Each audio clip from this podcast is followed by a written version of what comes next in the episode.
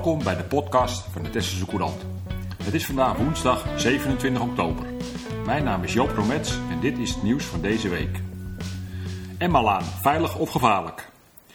77% van de fietsers op de Emmalaan maakt zich zorgen over de veiligheid. Dat blijkt uit onderzoek dat de Antea-groep in opdracht van de gemeente Tessel heeft uitgevoerd. Tegelijkertijd komt uit het onderzoek naar voren dat een separaat fietspad juist tot gevaarlijkere situaties zou leiden. Dinsdag werd de gemeenteraad en pers bijgepraat over de resultaten van het onderzoek. Op basis van uitgebreid onderzoek doet Antea Groep enkele aanbevelingen. Zo stelt het bureau voor een grote fiets op het wegdek te schilderen om duidelijker te maken dat fietsers ook gebruik maken van de weg. Een waarschuwingsbord moet worden vervangen door een groter exemplaar en de achteringang van de OSG zou moeten worden afgesloten. Uit het onderzoek blijkt verder niet dat de situatie onveiliger is geworden. Meer dan 96% van de automobilisten houdt zich aan het dringende advies en haalt niet in op de Emmalaan.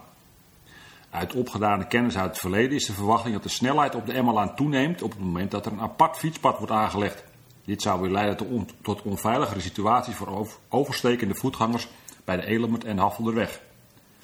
De gemeenteraad krijgt nu een zware taak om overwegingen te maken tussen het grote gevoel van onveiligheid enerzijds en de feiten uit het rapport anderzijds.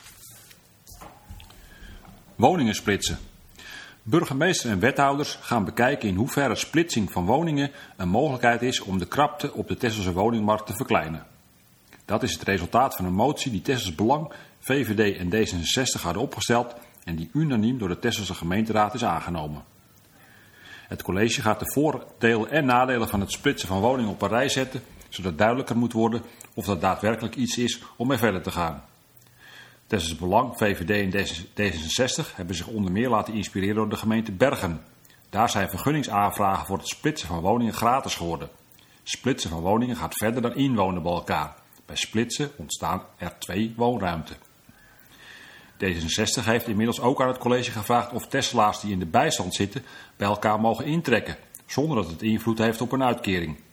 Ook moet het volgens D66 mogelijk worden dat Tesla's met een AOW-uitkering een familielid in huis nemen, zonder dat dit gevolg heeft voor een uitkering. Dat kan twee mensen die het financieel zwaar hebben wat meer lucht geven en ruimte creëren op de woningmarkt. Al dus D66. Tesselstroom vaart op gasolie. Veerboot Tesselstroom vaart al ruim een half jaar niet meer op CNG, aardgas, maar wel op gasolie. Begin dit jaar werd schade aan de twee dual-fuel motoren geconstateerd. Sindsdien vaart de Tesselstroom niet op CNG om te voorkomen dat er opnieuw motoren beschadigd raken. TESO onderzoekt samen met de leveranciers van het CNG-systeem de oorzaak van de storing en hoe ervoor te zorgen dat het systeem weer volledig kan functioneren. Dit neemt meer tijd dan we hadden gehoopt op basis van onze ambitie om duurzaam te varen, vertelt directeur Kees de Waal. Volgens hem was het in het hoogseizoen niet mogelijk om het onderzoek uit te voeren omdat beide schepen toen dagelijks in de vaart waren. Gelukkig zijn we niet afhankelijk van één type brandstof en heeft het dus geen consequenties voor de continuïteit van de inzet van het schip. De gasprijs is de achterliggende periode dermate hoog geweest dat TESO vooralsnog geen financieel nadeel ondervindt van het niet varen op CNG, al dus de Waal. De Tesselstroom was in 2017 de eerste veerboot in Europa die op aardgas ging varen. Het geeft minder uitstoot van schadelijke stoffen dan de gasolie waarop tot nu toe werd gevaren. Een duurzame innovatie waar deze samen met diverse partners jarenlang naartoe heeft gewerkt. Coronabesmettingen. Het aantal Tesla's dat positief test op het coronavirus is sinds een paar dagen weer aan het toenemen. Volgens het dashboard van de Rijksoverheid testen afgelopen vrijdag drie Tesla's positief. Zaterdag meldde het dashboard vijf Tesla's met een positieve uitslag op corona. Zondag waren het er vier en maandag kwamen er zes nieuwe meldingen bij. Ter vergelijking, van begin augustus tot afgelopen donderdag is het rustig geweest op het gebied van corona en werden hooguit één of twee besmettingen per dag gemeld.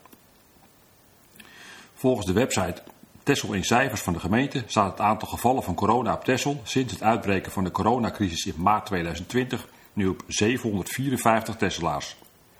Tessel hoort daarmee landelijk bij de gemeente met een laag aantal besmettingen. Volgens de gegevens van het dashboard van het RIVM is op het moment 86% van de volwassen bevolking op Tessel gevaccineerd tegen het virus. KTF treedt op. Het Koninklijke Tessels van Varenkorps heeft zaterdag voor het eerst in bijna twee jaar weer een optreden gegeven. Leden speelden smiddags een uurtje op de vismarkt in de Burg. Het laatste optreden dateerde van kerst 2019. Daarna viel als gevolg van corona alles stil. Dirigent Simon Boerke deed na afloop een oproep aan met name jonge toehoorders om eens na te denken over spelen bij de fanfare. Roetveegpieten. Sinterklaas en zijn pieten zetten zaterdagmiddag 13 november voet aan wal op Texel. Zij maken een opwachting op de haven van Oude Schild. De pieten ondergaan dit jaar een verandering. Van volledig zwart en groen-zwart, de variant in 2020, gaan de pieten naar roetveeg. Daarbij wordt volgens de organisatie rekening gehouden met het gegeven dat Texel een relatief kleine eilandgemeenschap is. Ook hier geldt dat het Sinterklaasfeest voor iedereen een feest hoort te zijn. In de eerste plaats voor kinderen, maar ook voor de volwassenen die bij het feest aanwezig zijn of eraan meewerken, al dus de organisatie. In verband met de coronamaatregelen krijgen bezoekers het verzoek zich bij de intocht zoveel mogelijk over de haven en langs de dijk te verspreiden. Denise de Beste. Veldrijdster Denise Betsema staat op de eerste plaats van de wereldranglijst.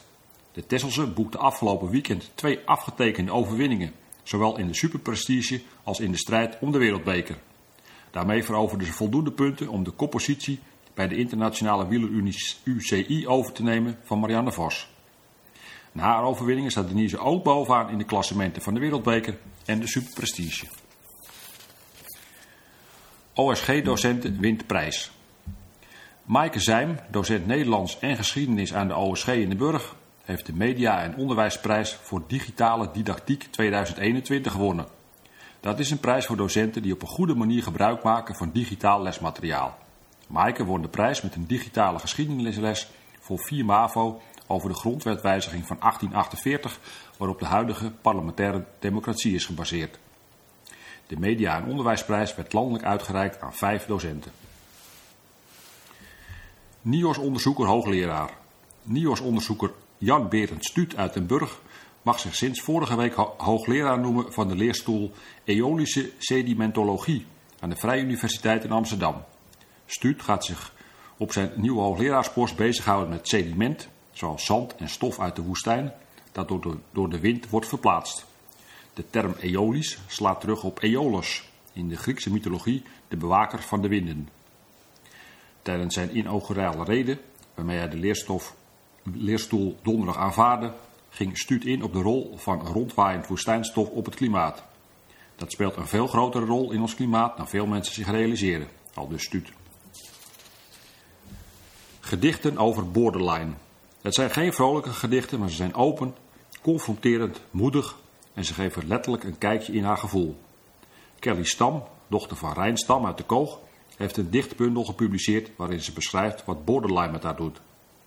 Kelly begon een paar jaar geleden met het schrijven van de gedichten nadat ze in therapie was gegaan voor borderline, een persoonlijkheidsstoornis.